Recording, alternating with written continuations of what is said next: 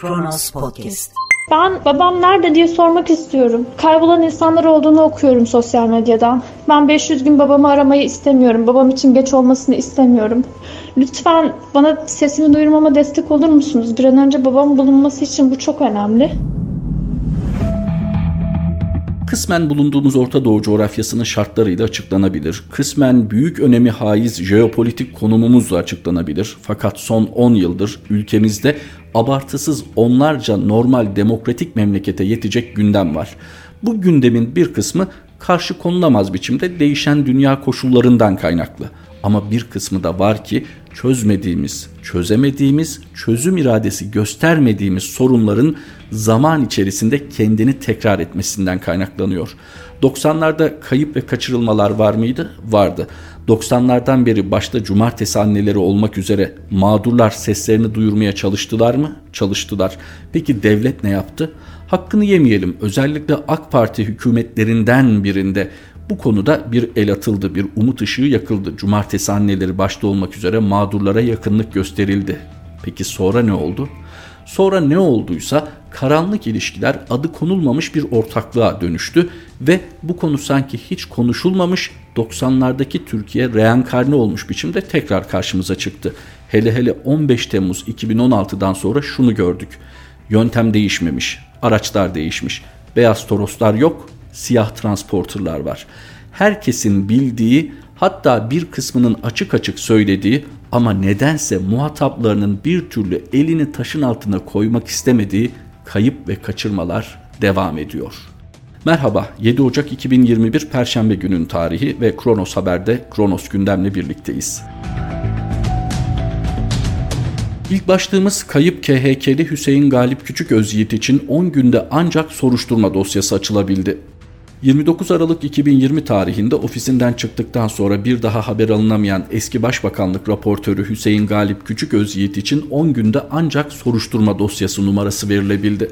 Babasının son görüntülerini ve gerekli tüm evrakı günlerdir savcılığa sunmasına rağmen henüz soruşturma açılmamasına ve savcı atanmamasına isyan eden kızın Nursena Küçük Özyiğit kendilerinden önce ve sonra yapılan başvurularınsa kabul edildiğini kaydetti.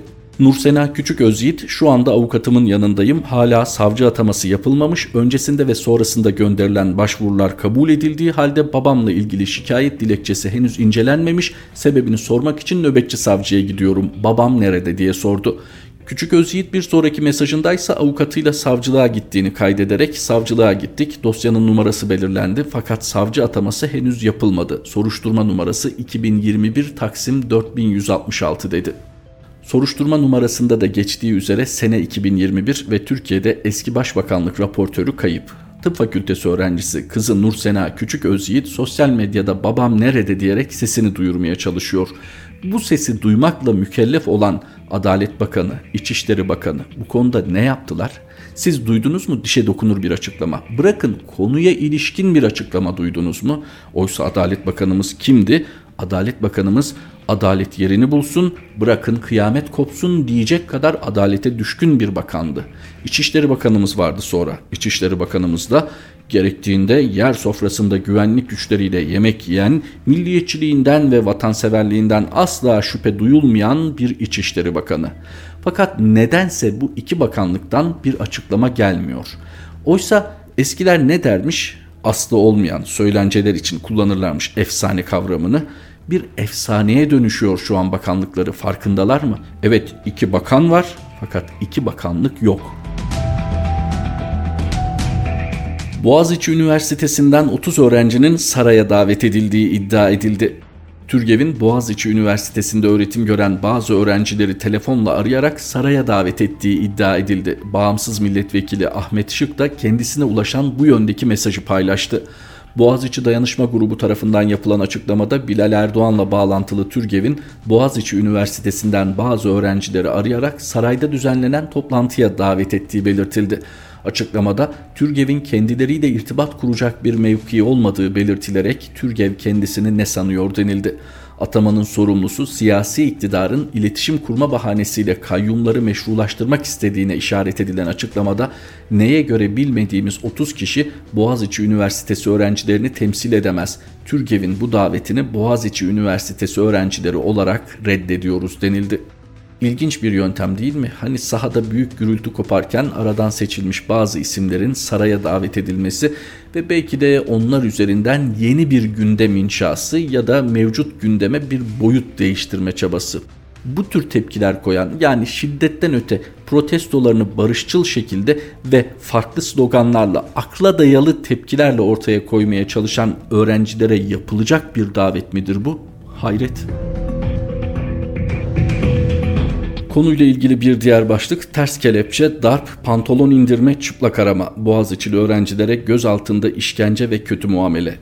Profesör Doktor Melih Bulu'nun Cumhurbaşkanı Erdoğan tarafından Boğaziçi Üniversitesi'ne rektör olarak atanmasını protesto eden ve ardından gözaltına alınan öğrencilerin darp, çıplak arama, plastik kelepçelerin bilerek sıkı bağlanması gibi birçok kötü muameleye maruz kaldıkları ortaya çıktı. Müvekkili Emrecan Konyalı'nın araçtan itildiğini belirten avukat Engin Kara hastaneye girerlerken ters kelepçeye itiraz ettikleri için öğrencileri darp etmişler. Müvekkilimi aracın kapısından aşağıya atmışlar, kafasını kapıya çarpmış, elleri kelepçeli olduğu için yere düşmüş, aşağı yukarı bütün öğrenciler aynı sırada darp edilmiş dedi. Gözaltına alınan öğrencilerden biri ifade tutanağına yaşadığı şiddeti el yazısıyla geçirdi. Polislerden şikayetçi oldu. Öğrenci şu iddiaları gündeme getirdi. 5 Ocak sabah 5.50 civarında evime 10-12 polis girdi. Zorla kapıyı kırarak içeri girmeye çalıştılar. Kapıyı açtığım gibi yüzüstü yere yatırıldım. Annemde astım ve kemik rahatsızlığı var. Polisler tarafından yere itildim. İki kardeşim yüzüstü yere yatırıldı. İçeri giren polisler beni ve ailemi tehdit etti. Emniyete götürüp nezarete konmama kadar ters kelepçe takıldı. Görevli polis amirleri tehdit ve şiddete başvurdu. Sol omzum bu şiddet uygulandığı sırada ezildi. 7 Ocak gece saat 3.30 civarı yoğun ağrı sebebiyle hastanede tekrar tedavi oldum. Bugün 7 Ocak tarihinde adliyeye getirilirken hastanede yoğun şiddete maruz kaldım. Boynum ve bileklerim morardı. Vücudumun üst kısmında morluklar oluştu. Araç içinde ters kelepçeyle bekletilirken polisler küfretti ve tehdit etti, üzerimize saldırdılar ifadesi geçiyor şunun üzerinde ısrarla durmak gerek. Bu öğrenciler barışçıl bir protesto gösterisi düzenledi. Silahlı bir eylem yoktu. Herhangi bir aşamada silah karışmadı işin içine. Herhangi bir şiddet girişimi olmadı. Hal böyleyken neden diğer aile bireyleri de mağdur edilerek böyle bir yönteme başvuruluyor gözaltına almak için? Neden bu yönde bir talimat verilmiş polislere? Gayet açık değil mi? Kanunda yeri yok, İnsanlıkta yeri yok yapılanın ama bununla birlikte yapılıyor. Hatta belki göstermelik soruşturmalar açılacak ifadelerden sonra ama yine İçişleri Bakanı Süleyman Soylu'nun daha önce yaptığı gibi polis doğruyu yapmıştır şeklinde özetlenebilecek bir açıklamayla durum kurtarılmaya çalışılacak ki kurtarılacak. Şu mesaj verilecek. Korkun bizden. Çünkü haklı değiliz ama güçlüyüz. Güç bizim elimizde. Peki nereye kadar gidecek? İnsanları bu kadar köşeye sıkıştırırsanız bir yerde patlak verecek. Hani iktidar medyası bu tür protesto eylemlerinde nedense hep Gezi'yi hatırlamak ve hatırlatmak ihtiyacı duyuyor ya. Gezi bile sönük kalabilir insanlar bu kadar köşeye sıkıştırılırsa. Ne yani bu insanlar protesto edemeyecekler mi? Düşüncelerini ifade edemeyecekler mi? Neden hemen terörle yaftalıyorsunuz? Neden hemen size göre sizin yolunuzda gitmeyen herkes terörist? Boğaziçi iki öğrencinin tutuklanması istendi, 21 öğrenci serbest. Boğaziçi Üniversitesi'ne Cumhurbaşkanı kararıyla eski AK Parti milletvekili aday adayı Profesör Doktor Melih Bulu'nun rektör atanmasıyla başlayan protestoların ardından evleri basılarak gözaltına alınan öğrencilerden ikisi tutuklama talebiyle nöbetçi suç ceza hakimliğine sevk edildi. 21 öğrenci serbest bırakıldı. 16 öğrencinin de Vatan Caddesi'ndeki Güvenlik Şube Müdürlüğü'nde sorguları sürüyor. Öğrenciler 2911 sayılı toplantı ve gösteri yürüyüşleri kanununa muhalefet ve görevli memura mukavemet suçlamaları gerekçe gösterilerek sorgulanıyor. Boğaziçi tek örnek değil tabii ki. Bakın sıradaki başlığa. MIT ve polisin baskın gerekçesi cemaat üyelerine yardımları organize etmek. Milli İstihbarat Teşkilatı ve Ankara Emniyet Müdürlüğü hakkında Türkiye'deki Gülen cemaati üyelerine yardımları organize ettiği ve para akışı sağladığı iddiasıyla yakalama kararı olan Erhan Acar'ı eşiyle birlikte gözaltına aldı. Haberde Erhan Acar'ın iflas etmek üzere olan bir etüt merkezini hakkında arama kararı olmayan bir arkadaş aracılığıyla satın aldığı da öne sürüldü.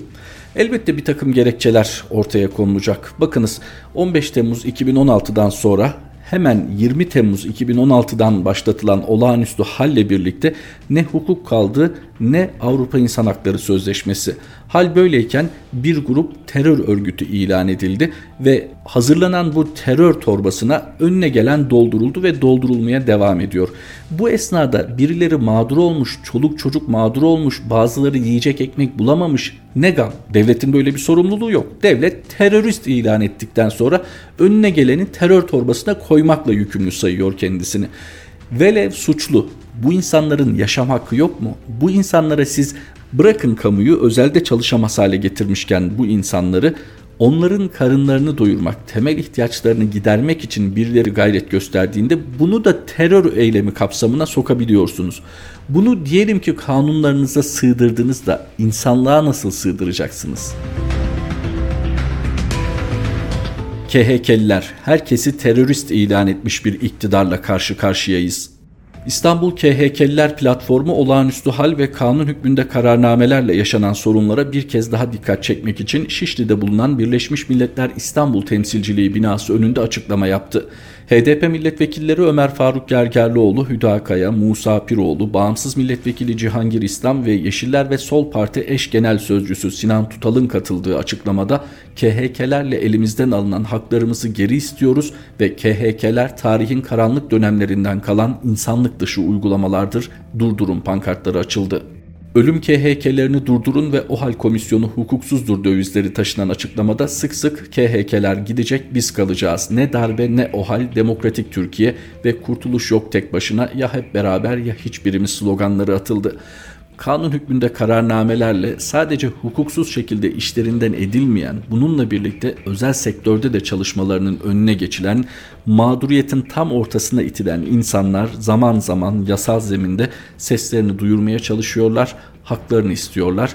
Bu kanun hükmünde kararnameler er ya da geç önünde sonunda ortadan kalkacak hükümleriyle birlikte ve mutlaka bu hukuksuzluğu icra edenler de yargı karşısına çıkacak ne olağanüstü hal işlemleri inceleme komisyonuyla ne de beylik açıklamalarla bu iş geçiştirilemez. Bakmayın red cevabı alanlara, bakmayın hala işlem görüyor cevabı alanlara. Bu mutlaka öyle ya da böyle mağdurlar lehine çözülecek bir konu. Sadece zaman meselesi. Kronos Haber'de şimdi de Amerika Birleşik Devletleri'ne uzanıyoruz. Sıradaki başlıkta kongre baskınında Ankara'nın taraflara itidal çağrısı yapması hayret verici. Ankara'nın Amerika Birleşik Devletleri'ndeki kongre baskını sırasında yaptığı endişeyle izliyoruz şeklindeki açıklamalar Amerikan basınında ironik bir şaşkınlıkla karşılandı. Amerika Birleşik Devletleri medyasında Türkiye gibi bir ülkeden ABD'ye dair böyle bir açıklama yapılacak noktaya gelinmesinin şaşırtıcı olduğu yorumları yapıldı. Gazete Duvar'ın haberine göre CNN muhabiri Türkiye Dışişleri Bakanlığı'nın açıklamasını aktardığı haberinde bu açıklamada kullanılan dil bizim bu tarz bir kriz veya isyan sırasında Orta Doğu'daki bir kentte bulunan vatandaşlarına hitaben ABD'den görmeye alıştığımız türden. Türkiye gibi bir ülkenin ABD'nin başkentinde bulunan vatandaşlarını uyarmak için bu tür bir dil kullandığını görmek hayret verici dedi. NBC kanalının haberinde ise Türkiye Büyük Millet Meclisi Başkanı Mustafa Şentop'un yaptığı açıklamaya dikkat çekildi. NBC muhabiri Şentop'un açıklamasını aktarmadan önce şu ifadeleri kullandı. İroni şu ki bakın bu Türkiye Meclisi'nin başkanından gelen açıklama bir diktatör tarafından yönetilen insanların, gazetecilerin, demokratik göstericilerin hapse atıldığı bir ülke. NBC muhabirinin kullandığı ifadede bu şekilde. Peki Şentop ne demişti? Türkiye Büyük Millet Meclisi Başkanı Mustafa Şentop da Twitter hesabından bir paylaşımda bulunmuş ve demişti ki ABD'deki olayları endişeyle izliyor, tarafları öncelikle sükunete davet ediyoruz. Daima hukuk ve demokrasi içinde sorunların çözüleceğine inanıyoruz. Türkiye olarak her zaman hukuktan ve demokrasiden yana olduk. Herkese de bunu tavsiye ederiz. Sayın Şentop acaba hatırlıyorlar mı bu esnada Boğaziçi Üniversitesi'nde barışçıl eylemlerle rektör atanmasını protesto eden gençlerin duvarları yıkılıyor, kapıları kırılıyordu. Hatırlıyorlar mı? Tabi aktardığımız haberin öncesi de şu başlıkta Amerika Birleşik Devletleri bir polisin vurduğu 4 kişi öldü, 52 kişi gözaltına alındı. Washington DC polisi yaşanan olaylarda hayatını kaybedenlerin sayısının 4 olduğunu, ölenlerden birinin polis tarafından vurulduğunu açıkladı. Açıklamada 52 kişinin gözaltına alındığı Cumhuriyetçi Parti Ulusal Komitesi ile Demokrat Parti Ulusal Kongresi'nin merkez binaları yakınlarındaysa 2 adet bomba bulunduğu bildirildi. Peki tüm bunlar yaşandıktan sonra netice değişti mi? Bakın sıradaki başlıkta kongre sonuçlandı. Joe Biden artık ABD'nin resmen başkanı. Amerika Birleşik Devletleri Kongresi oy sayımı protestoları ve olağanüstü hal gölgesinde nihai kararı vererek Seçiciler Kurulu'nun oylarını tescil etti. 3 Kasım'daki seçimi kazanan Joe Biden resmen ABD başkanı oldu. Biden 20 Ocak'ta yemin ederek görevine başlayacak. 325 milyon civarında bir nüfustan bahsediyoruz ve farklı farklı devletlerin bir araya gelmesiyle oluşmuş bir birleşik devlet yapısından söz ediyoruz.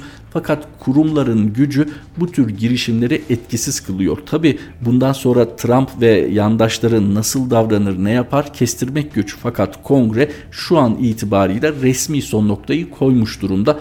Joe Biden 20 Ocak'ta görevi devralacak Amerika Birleşik Devletleri Başkanı. Amerika Birleşik Devletleri'nden sonra Almanya'dayız. Almanya'da 417 bin kişiye korona aşısı yapıldı. Önce sağlık çalışanları. Türkiye Çin aşısının sonuçlarını beklerken Covid-19 salgınına karşı Almanya'da 417 bin kişi aşılandı. Türk bilim insanları Uğur Şahin ve Özlem Türeci'nin geliştirdiği Pfizer-BioNTech aşısı 80 yaş üstü kişiler, sağlıkçılar ve huzur evlerinde kalanlara vuruluyor. Covid-19 pandemisiyle mücadele kapsamında kısıtlamaları 31 Ocak 2021 tarihine kadar uzatan Almanya'da aşılama günlük kaydediliyor. Koronavirüsle ilgili eyaletlerden gelen ilk doz aşılama verileri Robert Koch Enstitüsü'nde toplanıyor. Enstitü hastalığın yanı sıra günlük aşılama rakamlarını da günlük olarak kamuoyuna duyuruyor. Almanya'da durum bu. Peki Türkiye'de Bakan Koca Pfizer-BioNTech Türkiye'ye ayırdığı aşı miktarını artıracak. Sağlık Bakanı Fahrettin Koca Pfizer-BioNTech tarafından Türkiye için ayrılan aşı miktarının artırılacağını duyurdu. Bakan Koca, BioNTech firmasının CEO'su Profesör Doktor Uğur Şahin ve ekibiyle bir görüşme yaptığını belirterek toplantımızda ayrıca bize ayrılan aşı dozlarının sayısını nasıl artırabileceğimizi de görüştük. Yeni üretim imkanları devreye girdikçe Türkiye'ye ayrılan kapasite de artacak dedi. Bakan Koca Türkiye'ye ilk etapta 550 bin doz aşının geleceğini belirterek Mart ayı sonuna kadar 4,5 milyon doz aşının Türkiye'ye teslim edileceğini, 30 milyon doza kadar aynı şartlarda aşı temin edileceğini açıklamıştı. Tabii aşı her gündeme geldiğinde şu soruyu da beraberinde getiriyor. Peki daha önce Pfizer-BioNTech ortaklığının Türkiye'ye gönderdiği 25 bin doz aşı ne oldu? Kimlere vuruldu? Bu konuda niçin şeffaf bir yol izlenmiyor, niçin açıklama yapılmıyor? Bununla birlikte geleceği söylenen 550 bin doz aşı ile ilgili bir planlama yapıldı mı ve Çin aşısı nerede kaldı? Artık akıllı cihazların hayatımızda daha geniş bir yer tutmasıyla sadece gençleri ilgilendiren bir konu olmaktan çıktı. Verilerini Facebook'la paylaşmayı kabul etmeyenler WhatsApp kullanamayacak. WhatsApp yakın zamanda WhatsApp gizlilik ilkesini güncelledi. Yeni güncelleme ile birlikte WhatsApp kullanıcılarının tüm bilgi ve verileri Facebook'la da paylaşılacak. WhatsApp gizlilik politikasındaki güncelleme kapsamında verilerinin Facebook'la paylaşılmasına izin vermeyen kullanıcılarsa 8 Şubat'tan sonra WhatsApp uygulamasından yararlanamayacak. Bu haberden sonraki başlığımız Elon Musk'ın önerdiği sinyal programı Türkiye'de ikinci baylok mu? Tesla şirketinin sahibi Elon Musk'ın sinyali kullanın dediği mesajlaşma programının Türkiye'de ikinci baylok gibi görüldüğü ortaya çıktı. Elon Musk'ın sosyal medya hesabından kullanılmasını tavsiye ettiği mesajlaşma programını Türkiye'de kullanmak ciddi bir cesaret istiyor. Bu programı kullanmak terör örgütü üyeliğinden 6 yıl 3 ay hapis cezasını göze almak demek. Cezaevinde bulunan eski MIT mensubu Enver Altaylı hakkında hazırlanan iddianamede sinyal programı geniş şekilde anlatıldı. İddianamede sinyal programı için şu değerlendirme var. Güvenlik güçlerinden edinilen bilgiye göre şifreli haberleşme programı sinyalin içeriğine ulaşmak, yazışma, fotoğraf ve görüntülerin kullanıcıların belirlediği zaman aralığında silinebilmesi nedeniyle Baylok'a göre daha zor. Program mesajlaşmanın yanı sıra ulusal ve uluslararası arama yapılmasına da imkan sağlıyor. Bu da zaten haberde altı çizildiği üzere Türkiye'de birdenbire bir baylok üzerinden yani indirmek ve kullanmak yasal olan bir haberleşme programı üzerinden nasıl bir efsane üretildiyse o şekilde sinyalinde kullanılabileceği tehlikesine işaret ediliyor. Kronos Haber'de Kronos gündemin sonuna geldik. Tekrar buluşmak üzere. Hoşçakalın. Kronos Podcast